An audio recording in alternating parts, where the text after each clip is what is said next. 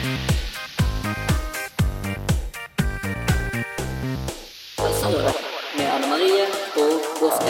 da er vi kommet til Helserådets podkast nummer 17. Vi har vært heldige å få tak i en tidligere elev av oss, Erlend Bolstad Rå. Hyggelig å være her. Veldig kjekt at du vil komme. Anne Eller fikk lov, å, fikk lov å komme. Anne, Anne Marie, hva som skjedde med deg? Du er med på live eh, på skjerm. Jeg har kommet i karantene for andre gang. Jeg har vært én dag på jobb, og så ble jeg satt i karantene igjen. Jeg treffer så mange positive mennesker hele tiden. Men kanskje ikke positive i positiv forstand alltid. Men jeg er med likevel, og jeg er veldig glad for at vi har med oss Erlend i dag. Eh, hvis jeg kan få lov å presentere deg litt, Erlend. Ja, det, du har eh, kjør på. tidligere medsysselev. Når var det du gikk ut, egentlig? Ikke i fjor? Forfjor? Det var i uh, juni 2019, så det var i, fjor. 2019. Ja. Og nå er du sosiologistudent.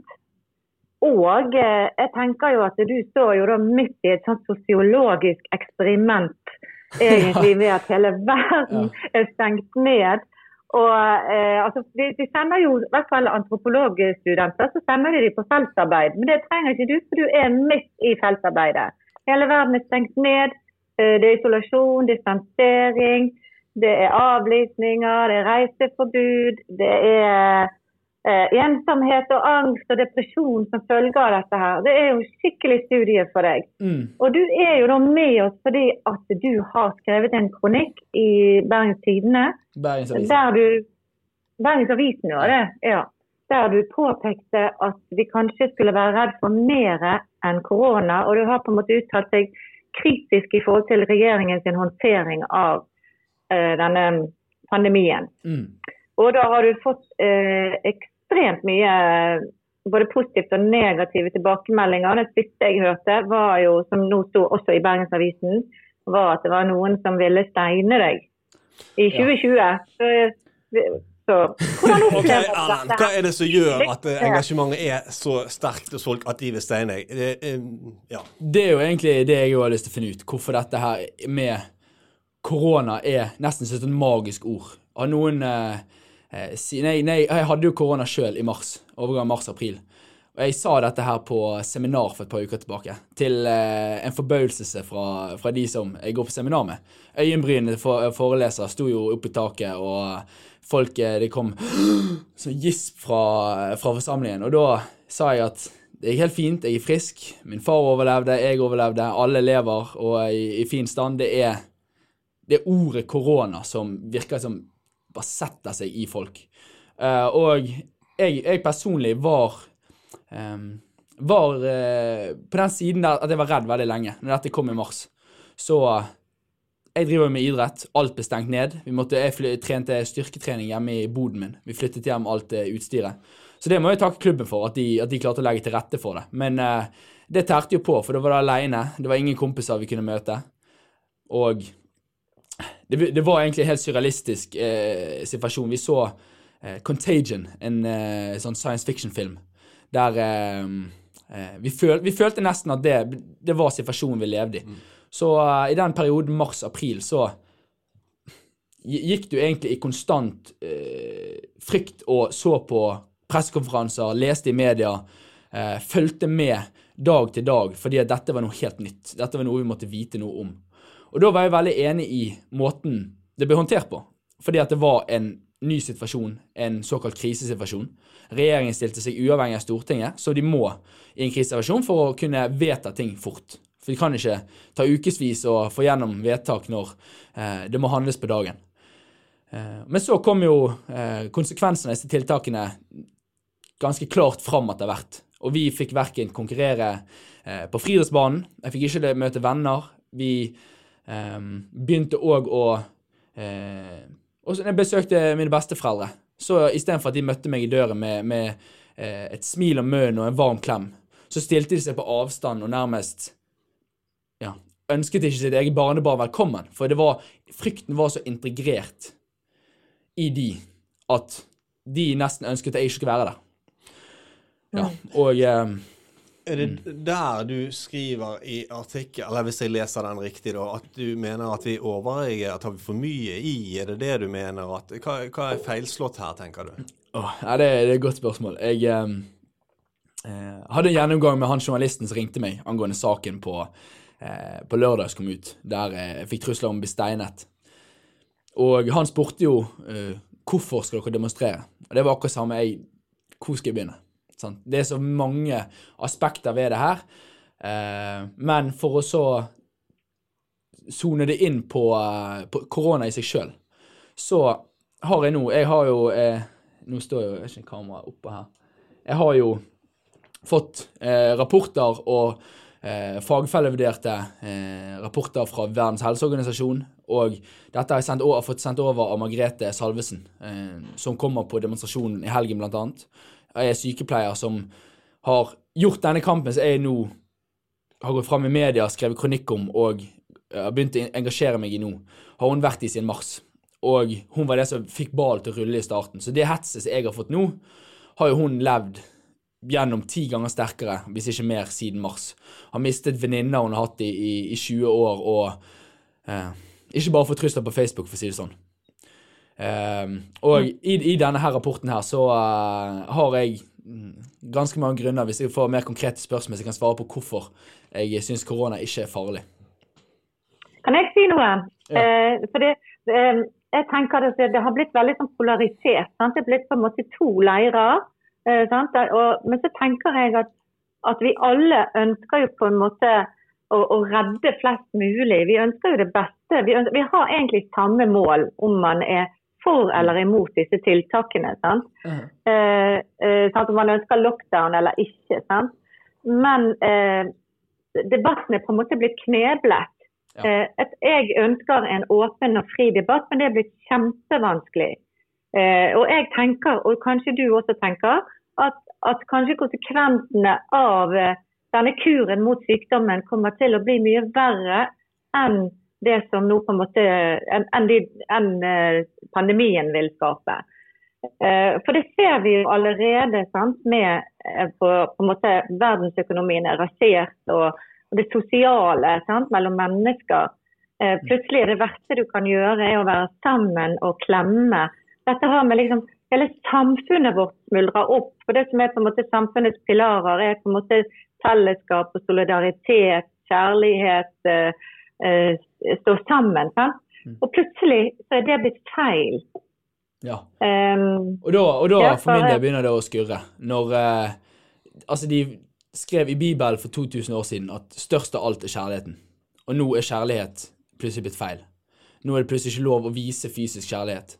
Eh, og sånn som Anne Marie nå sitter på skjerm, det er ikke samme kjærlighet som det å vise det fysisk. Og det viser veldig mye studier og forskning òg, som kan legge, legge bak det. Men, eh, Men det, på hvilken måte blir eh, du, Så du, Anne Marie, sier også her eller nå også, at, at eh, folk som er kritiske til håndteringene, ble kneblet. Hva agenda ligger bak det, tenker du eller Erlend? Hvorfor, hva, hvorfor Nå sitter du her på podkasten, har vært i BA, dere kan skrive. Altså, eh, ja, siden jeg kom det. Eh, Det store bildet er jo skummelt å ta opp. Og hvis man setter seg litt inn i det og, og, og leser uh, ting som ikke står i massemedia, så finner man fort ut at på tvers av ulike uh, det, litt, litt til det som Anne Marie sa i forhold til polarisering, at du får en radikalisering av ekkokamera på hver sin side, som nå er kommet til det punktet. Jeg opplevde på trening i dag morges å sitte og diskutere dette helt rolig sammen med to trenere og uh, en ansatt på Fana Arena. Så kommer litt sånn som en autoritetsfigur inn, litt sånn som Bent Høie, og sier at dette diskuterer ikke vi her, slutt å snakke om det. Så det er nå blitt en Det er rett og slett blitt nektet å diskutere dette på, eh, der jeg trener. Jeg får åpenbart ikke lov å diskutere det på Facebook, for da skal jeg bli steinet. Og demonstrasjonen vi skal ha på lørdag, har Bergen kommune gått ut og rådet oss fra å møte opp fordi at vi skal opprettholde smittevern. Vi skal ikke være over 200 personer på, eh, på offentlig område. Og da glemmer de jo den rangeringen som finnes i lovverket. At tredjeplass, der har du smittevernloven. Andreplass har du Grunnloven, og øverst av alt, der råder menneskerettighetene. Og menneskerettigheten sier at du har frihet til å bevege deg hvor du vil, og du har frihet til å ytre det du vil på en respektabel måte. Det er det ytringsfrihet er. Og ved å nekte noen å gå ut i offentlighet og ytre sine meninger når de blir nektet offentlig debatt på nett, det, er, det motstrider menneskerettighetene. Og så under der igjen så er Grunnloven den sier at regjeringen kan stille seg uavhengig av et storting hvis det er en krisesituasjon. Og det var det i mars. Men det er det ikke nå lenger. Og det sier faktaene i forhold til dødstall, i forhold til eh, hvem det er som dør. Gjennomsnittsalderen er 82 år i Norge. Det er over forventet levealder. Det er eh, 0,05% så av de som blir smittet, som dør under 70. Og De resterende er de som er over 70 år. Så det er egentlig helt ufarlig for de som er under 70 år.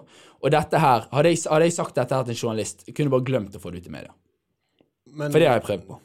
OK, nå, var, nå har du vært i media to ganger, i hvert fall. Jeg så er du er her nå.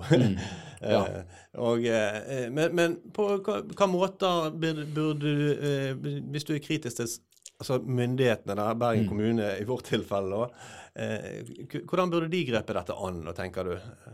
Men kri kritisk og reflektert tilnærming. Jeg eh, eh, var, som mange, veldig kritisk til dette over sommeren, og lang, selv om jeg begynte å se at dette går utover ting som ikke har noe med smitte å gjøre. Det opp, det er registrert ett smittetilfelle i Bergen på treningssenter. Så i forhold til den idretten som jeg utøver, som er friidrett, der vi Jeg hopper høyde, det er ingen i ti meters eh, rundt meg. Jeg, det er egentlig tilnærmet lik null smitte, ja, smitterisiko. Og eh, allikevel så blir friidretts-NM nesten avlyst pga. noen NHH-studenter eh, blir smittet. Så det som eh, eh, Det som eh, jeg eh, stiller spørsmål med ved håndteringen fra, fra byrådet, kommunen og regjeringen, er jo at det er ingen som stiller seg kritisk. For når jeg kom til august, så var jeg nede på, på behandling med, hos noen for, i forhold til en skade. Og så, Der snakket vi med Thomas Aksnes, eh, som er en ledende, eh, en ledende helsefigur, rett og slett. Han har helseforetak på, som har klinikker på alle fem kontinenter, og er oppe og snakker med de øvre helselederne i verden. Og han eh, har greie på det her. Sant? Og da, apropos autor autoritetsfigur, eh, så da sa jeg til han at jeg håper bare denne vaksinen blir klar etter påske, sånn at jeg kan jobbe mot EM og OL til neste år. Og da svarer han meg, så ser han meg i øynene, og så tar han pause og sier han, er det én ting du ikke skal, Erlend, så ta den vaksinen. Og da tenker jeg, hm, altså, jeg har jo bare hørt at den vaksinen er bra, og den må vi ta. Hvorfor sier denne mannen her det motsatte? Da må han ha en begrunnelse for det. Og da ble jeg nysgjerrig. Så jeg spurte hvorfor, hvorfor skal jeg ikke ta vaksinen. Og da ble jeg stående i 40 minutter. Sant? Det kom jo en, en fin forelesning om det.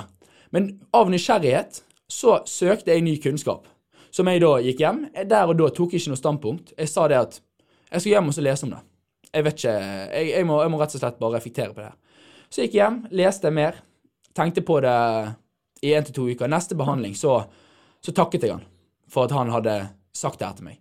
Men det, jeg sier, eller nå, nå, nå uttalte, Jeg vet ikke hva han uttalte til deg eller om det medisinske greiene, men hva agenda tenker du at du, dere, eller du eller dere blir motarbeidet av media? Hva agenda har mainstream media, da, som du sa litt om det i sted? Hva agenda har de for å ikke stille være mer kritisk? Det var, Forsto det rett? Du mente Ja, det litt? Ja. ja. Hva agenda kan de ha? Det, vi har diskutert dette litt, Anne Marie. Mm. Kan dere si litt om det? Hva agenda mediene har? Altså de store mediehusene? Ja, Anne Marie kan si Det jo det vi stiller. Vi stiller jo spørsmål om det. Jeg har ikke svaret på det. Det tror ikke du heller har, Erlend. i hvert fall. Altså, Vi kan jo bare anta og tro, men, men det er på en måte noe som skurrer. Og vi har jo gjerne lyst til å ha svar på det spørsmålet fra de som, som styrer, både fra pressen og fra myndighetene. Eh, For det er, en, en, eh, det er jo veldig todelt hvis du skal på en måte søke i faglitteraturen eller hos eksperter og professorer og sånn, så er det på en måte ikke helt eh, Altså det er ganske ulike meninger. Eh, nå er det noe som heter Great Barrington Declaration. Der det er masse eh, eksperter og fagpersoner som har signert et opprop fordi de, eh, har en annen, altså de mener at håndteringen blir feil. At det er mot lockdown. At vi heller istedenfor skal isolere de som er eh, beskytte de som er sårbare, og la viruset få gå igjennom den friske befolkningen som, eh, som vi har gjort alltid før. Det har vi alltid gjort med virus og mikroorganismer før. Eh, For vi har, vi, kan på en måte ikke gjemme oss på et virus. Vi kan ikke, vi kan ikke hindre at det kommer. Vi må lære oss å leve med det på, på en måte sånn som vi alltid har gjort. Mm. Eh, og, og, og, den siden eh, får ikke komme så veldig mye med, frem i media. Nei. Og jeg lurer på hvorfor. Og så er det på en måte også en veldig veldig sånn skremselspolitikk, både fra myndigheter og eh, pressen, eh, som gjør at folk blir livredd. Det er nesten sånn, altså vi, I forhold til terror så, eh, så har vi jo på en måte en, en sånn at vi skal møte terroren ikke med å la være å leve, men vi skal leve som normalt. Det er på en måte den måten, måten vi har, har møtt terrorfrykt på. For ellers så, eh, så, eh, så ødelegger vi demokratiet vårt innenfra. Og det tror jeg kan sammenlignes med dette her. Sant? Jeg er redd for våre demokratiske rettigheter, menneskerettigheter som Erlend snakker om. Eh, jeg føler at vi sånn uten vi, vi er veldig sånn tiltro til myndighetene i Norge. Sant? Vi har vi har hatt høy tillit. Eh, men nå tenker jeg det på tide å stille noen spørsmål. Fordi at vi, vi på en måte aksepterer eh, å miste friheten vår for trygghet. Og hvor mye frihet kan vi, er vi villige til å gi avkall på for, friheten, nei, for tryggheten vår, egentlig? Det Mm. spørsmålet syns jeg er betimelig å stille, da. Ja. Eh, og eh, livet er jo verdt for å leve. Det er jo derfor vi har livet. Så hvis vi skal ta vare på alle og unngå at folk dør, men i samme, samme omgang tar vekk livsgleden og meningen med å leve, så har jo vi et ganske treffende paradoks. Da sitter vi i, saksen. Eh, Men det er to ting som jeg kom på her nå når Anne Marie snakket. Og det med eh, Det første er at jeg vil, eh, jeg vil trekke det inn i analogi. Og litt det som skurrer med, med, med hele situasjonen, er Hvis du har en som blir anklaget for mord, og kommer i en rettssak Man vet ikke om han er skyldig eller uskyldig. Eh, denne mannen som blir eh, tiltalt for, for mord, han skal opp i vitneboksen.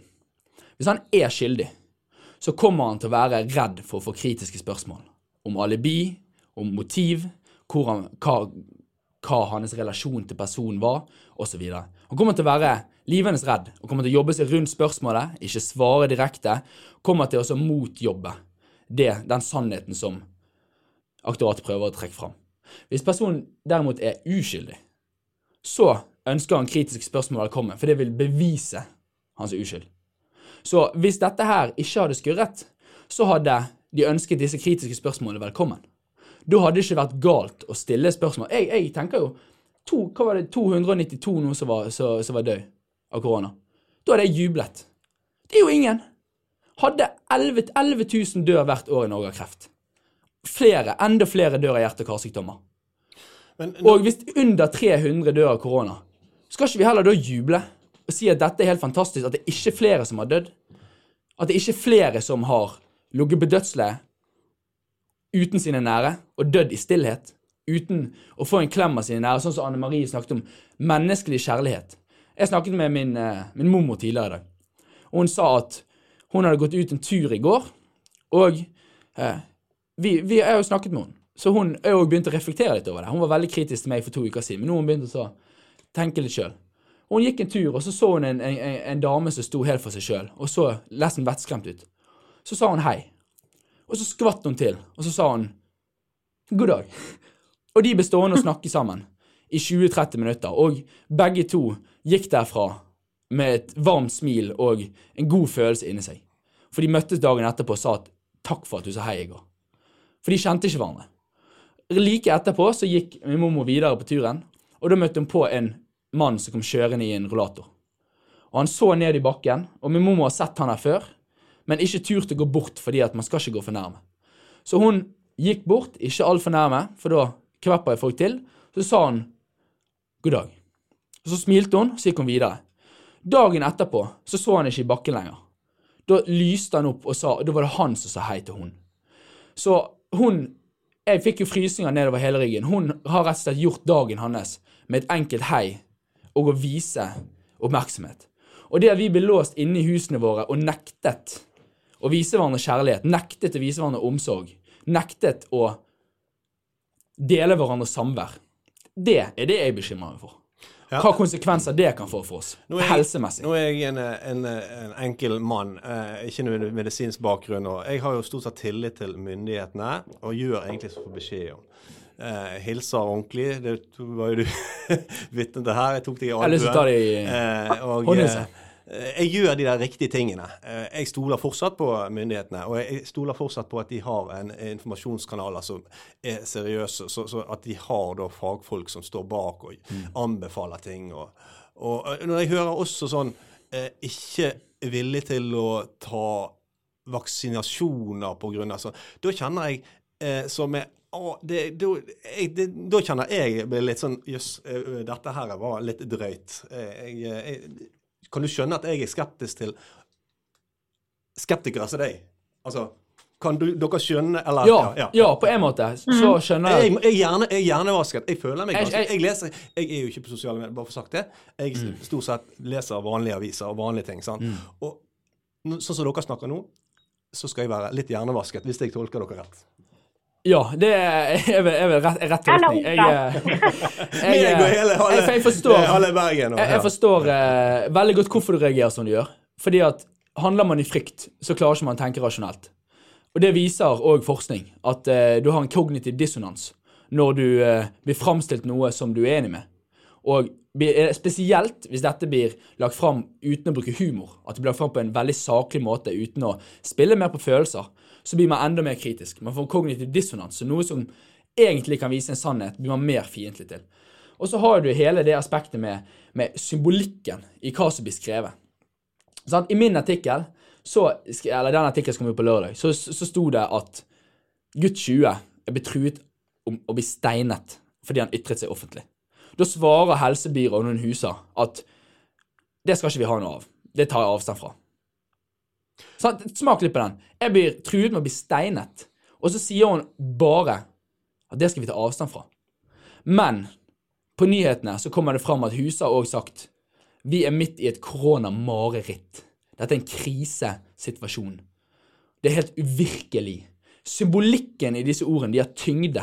Så når folk leser disse ordene med frekvens, man ser mareritt gjentatte ganger, man ser Bent Høie som kommer her og sier at vi må gjøre dette med solidaritet, det er en dugnad. Men i, i realiteten så er det jo tvang. Hadde jeg nå gått ut på gaten og gått bort og begynt å klemme folk, så hadde jeg blitt straffeforfulgt. Det er ikke lov å bruke Altså mine menneskerettigheter.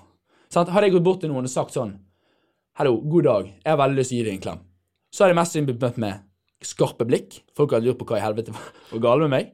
Og så hadde jeg kunnet bli straffeforfulgt. Og det syns jeg er skummelt når det er eh, sånn at den menneskelige kjærlighet vi viser til hverandre, er blitt farlig.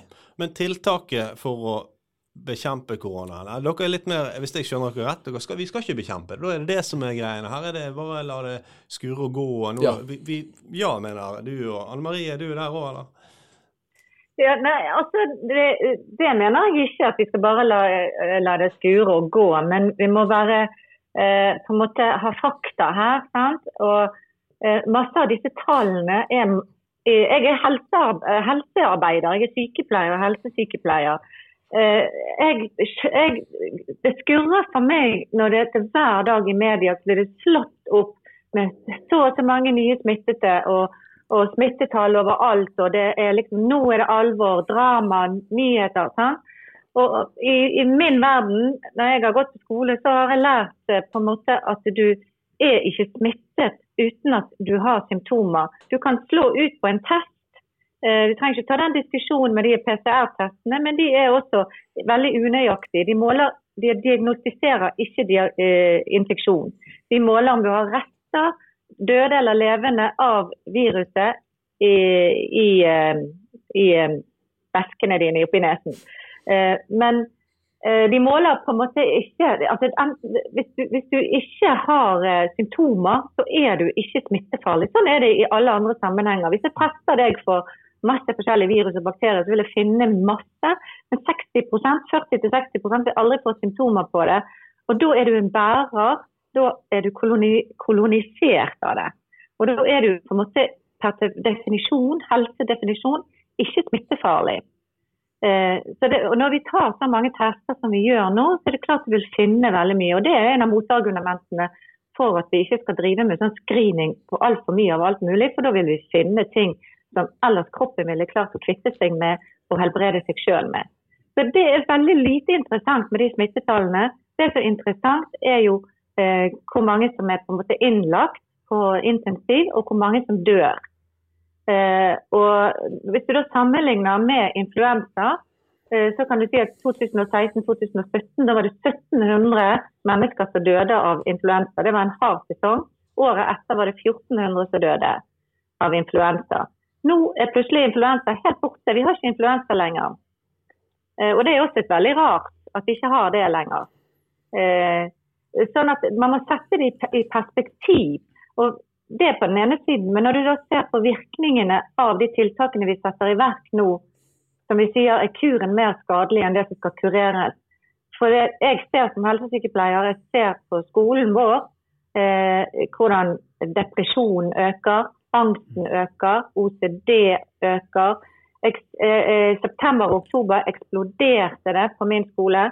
Eh, og på alle skoler jeg snakker med andre helsesykepleiere, sier de akkurat det samme når jeg leser innlegg fra forskjellige på, på, på nyheter, så sier alle det samme. At eh, problemene øker. Mental Helse sin hjelpetelefon eh, det har tidoblet seg av innringer. De har ikke kapasitet lenger. Jeg sitter tre-fire ganger i uken og snakker om suicidale tanker nå. Jeg har alltid snakket om det, men ikke i den grad som nå. Jeg er bekymret for at selvmordstallene i år kommer til å stige til verst. Og det er det eh, masse, eh, altså det er masse indikasjoner ut fra prognoser fra Europa som sier akkurat det samme. Det er én ting, den psykiske helsen vår. Vi er mennesker, vi er laget for Kjapt der før, ja. før vi går videre. Og det, og det ironiske her er jo at disse som ringer inn, er jo unge med livet foran seg. Og jeg personlig ser nå Jeg har startet et bachelorstudie på UiB. Og lurer på om det er Jeg kommer til å fullføre, men jeg lurer på om det i hele tatt er vits, for får jeg jobb? Kommer det til å være et arbeidsmarked når dette er over? Kommer det til å være i min del i forhold til friidretten, kommer det til å være konkurranser jeg kan reise på? Og hvis jeg ikke har lyst til å ta vaksinen, som jeg har godt belegg for å ikke ha lyst til å ta, så er det vits i for meg å trene hundrevis, gjerne tusenvis av timer i året Studerer du sosiologi, så at, at, at, du får enkelt jobb med sosiologistudiet er kanskje ikke så Men det er veldig bra du tar det studiet. Men, men eh, det garantert jobb er jo ingen heller. Men, men, men, det er ikke noe argument. På, For sånn er det alltid. Men nå er arbeidsmarkedet inne i en økonomisk depresjon ja, på grunn av tiltakene. så det er ikke et argument at det alltid er sånn at vi ikke kan få jobb. Neida. For det er det, Altså, den kurven er, har stupt oppover. Historisk sett, sosiologistudenter er vanskelig å få jobb, men du får ja, nei, det var en annen ting. Sosiologistudenter kan jobbe som det meste. Ja, det... Du kan jobbe i så å si alle eh, felt og, og, og ulike bransjer. og eh, de, det er veldig mange som faktisk får jobb etter bare en bachelor. Ja. Så det er faktisk lettere å få jobb som sosiologistudent. Jeg har mange venner som har studert sosiologi, og de har fått jobb alle sammen. Ja. Eh, men eh, eh, nå, nå, er jo eh, dødsfallet, sånn som du sa, Marie, relativt lave i Norge. Er det en grunn Er det fordi at vi har jobbet med dette her? Er det fordi at vi har fått til disse tingene, eller er det mot alle Altså, kan det være litt sånn at det er derfor vi har vi så lave tall? Andre land sliter. De, ja. de, de gravkamrene i Iran er full. Eh, altså, Du fikk så reportasje i avisen i dag, nå, og det fylles opp i, i, i, noen land i forhold til disse gravkamrene. Jeg vet ikke om du leser om det i Iran. Det er masse døde folk her. Nei, jeg har ikke tallet for meg. Jeg bare leste artikkel i avisen. Jeg har ja. ikke med meg noe, men det kan jeg finne til etterpå. Ja. Eh, hva, hva, hva, ja, men hva er det som gjør at Er det noe av dette som har virket, da, siden vi er ligger såpass godt an? Er det fordi vi har jobbet så bra mot koronaen, kanskje? eller? Det kan være hel ja, Marie svar på. Det er det som er argumentet. da, sant? At Hvis ikke vi hadde gjort det som vi har gjort nå, så ville, ville tallene vært skyhøye, og mange tusen ville dø. sant? Eh, og så bruker de Sverige som skremselslandet. sant? Så vi kan sammenligne oss. Det er naturlig å sammenligne oss med Sverige.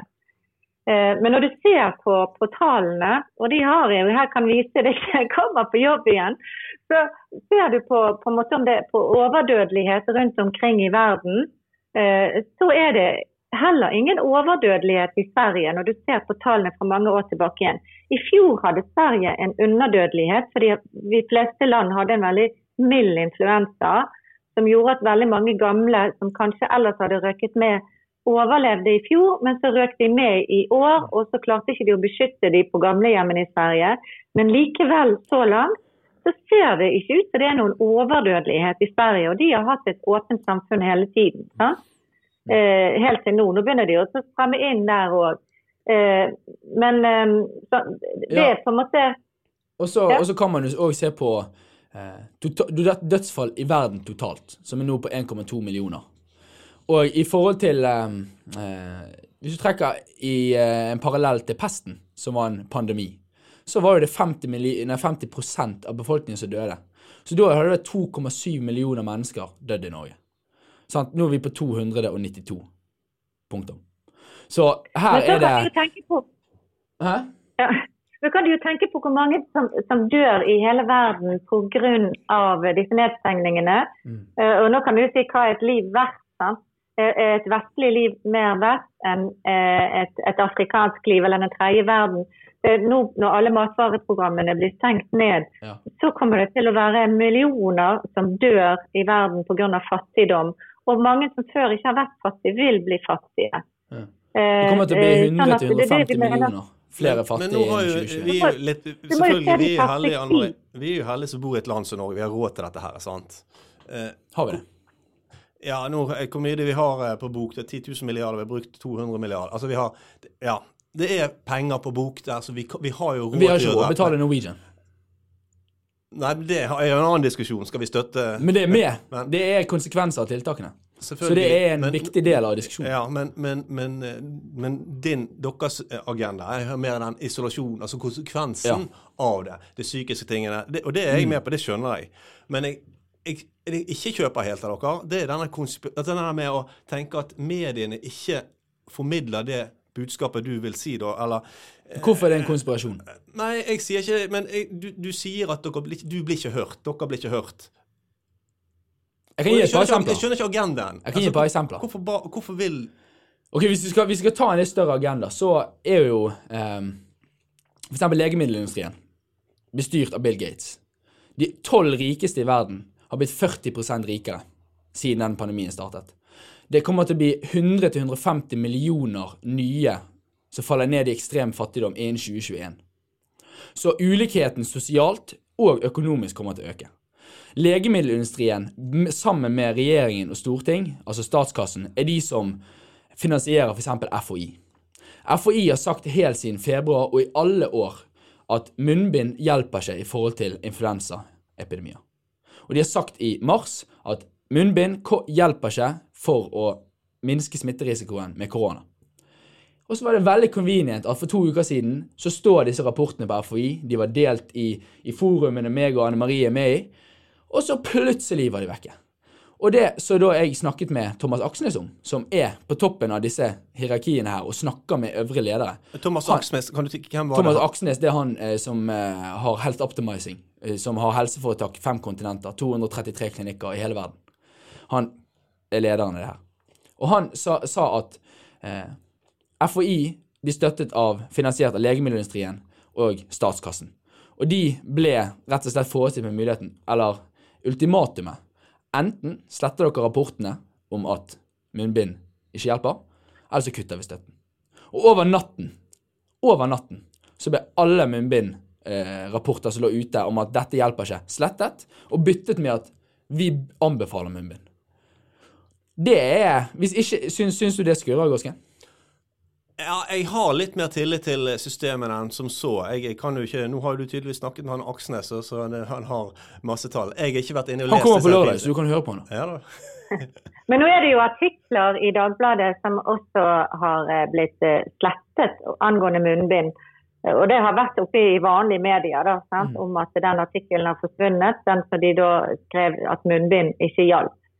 Eh, så, og, og Folkehelseinstituttet sa nå nylig, Camilla Stoltenberg, at det er veldig lite, altså det er usikkert hvor mye munnbind hjelper. Det er veldig motstridende forskningsrapporter på det. Men det har en symbolsk effekt i hvert fall. Og hva er den symbolske effekten? Jo, for da blir folk påminnet om korona. Det skaper frykt. Eh, Det er veldig fort. Nå går nesten alle med munnbind. da. Og det, eh, altså, det er- litt sånn For meg er det bekymringsfullt fordi at eh, det er ingen informasjon om, at, eh, om hvordan du skal bruke munnbind. Sånn at sånn som folk bruker munnbind nå, så tenker jeg at det er helseskadelig. Fordi det blir en smittebombe. Dette er snappet om en dagen. Fordi folk tar på, altså Når vi i helsevesenet bruker munnbind, så spriter vi hendene eller vi har sterile hansker, tar på oss munnbind. Du toucher det ikke. Når du er ferdig med det du skal gjøre, så kaster du det. Jeg tenker Når jeg ser rundt omkring her, folk bruker det, putter det i lommen overalt. Det er kontaminert av virus og bakterier. Det blir en smittebombe. Vanligvis så puster vi inn oksygen, og så puster vi ut igjen CO2. Og alle sånne mikroorganismer og virus puster vi ut med det. Nå blir alt liggende i masken. Vi får ikke nok oksygen, og vi får en massevis av dritt inn i, inn i oss. Og jeg blir faktisk veldig bekymret når jeg ser gamle mennesker som stabber rundt og går i gatene. Eh, Det er faktisk farlig for dem. De kan få korona av å, å, å gå med munnbind på den måten. Det, du kan, det er forskjell på å bruke det på en buss, og, og, og jeg har til og med sett folk bruke det på fløyen. Altså bare en kjapp sånn folk- eh, eh, Litt for å gjøre en humoristisk greie. av det. Ja, at eh, På Bybanen den dagen så så jeg det var en vennegjeng. Alle hadde munnbind. Og så viste de til hverandre ting på mobilen. Og en mobil har mer bakterier enn et toalett. Og da tar de opp mobilen, de deler hverandre sin mobil, så tar de ned munnbindet, hvisker noe til hverandre, så tar de det opp igjen. Altså Da har de jo tatt bakteriene fra mobilen, tatt de på munnbindet. Så ting som egentlig hadde ikke festet seg, fordi at du ikke har tatt munnbind, blir nå liggende i munnbindet, og så puster du det inn. Det som blir pustet ut, det blir liggende, og så puster du det inn på nytt. Så munnbindet, som Anne Marie sier, hvis det ikke brukes riktig, sånn som de gjør i medisin, der de ikke tar på det, og alt er sterilt, så virker det mot sin hensikt. Du, det var, tror jeg, siste ordet. Nå er vi eh, langt over overtiden her. Eh, og nå kom du til, eh, til ordet, Erlend. Og Anne Marie, vi takker for nå. Eh, Jeg kan jeg få si et siste ord? ja, Anne Marie sier et siste ord. Ja, jeg vil bare sitere min far, da. For jeg besøker min far, og jeg klemmer min far fordi at min far er en voksen person, bor alene og ikke på sykehjem, og jeg sier han må holde seg der. Eh, Og eh, han bestemmer sjøl hvem han vil ha besøk av, så langt i hvert fall, og hvem han vil klemme. Og han sier 'jeg tror på et liv før døden', sier han. Og jeg tenker at kanskje alt denne frykten handler om at, eh, at vi prøver å kontrollere døden. Vi er redd for døden. Og jeg, jeg er helsepersonell. Eh, for å sitere en, eh, han som driver eh, filosofisk poliklinikk, Edvin Skei, han sa som lege så har jeg øvd på døden i 40 år. Jeg har et normalt forhold til døden, mens mange ikke har et normalt forhold til døden. For de har ikke øvd på det. Jeg bare sier meg enig med han. Jeg har møtt døden i mange sammenhenger, både jobb og privat. En voksen dame, på en måte. Eh, Og vi kan ikke kontrollere døden, men vi kan kontrollere eh, vår frihet. Hvor mye frihet vi skal ha, og hvor mye trygghet vi skal ha. Vi kan påvirke myndighetene, og det har vi all rett til. Vi har menneskerettigheter. Det var Og så får du si noe om demonstrasjonen, Erlend. Ja, ja. Du har tenkt å Eh, demonstrere. og kjapt, kjapt om det, så på lørdag klokken 14 ved Den blå steinen så skal vi eh, utdype disse temaene her mer. Det kommer til å være en, en fredelig demonstrasjon med eh, ytringsfrihet, kjærlighet og sanne, altså vitenskapelig baserte budskap. Så her skal det være Vi skal jobbe for å få en saklig debatt og prøve å eh, unngå å falle ned på nivået som det virker motparten har, der vi skal steine hverandre og sånn. Vi skal holde oss saklige og fornuftige. Vi håper ikke du blir steint, Erlend, og eh, alle smitteverntiltak blir opprettholdt. Tusen takk for at, dere, at du kom, Erlend, og eh, takk til deg, Anne Marie, i isolasjon. Vi snakkes. Ha det. Ha det. Takk for alle sammen.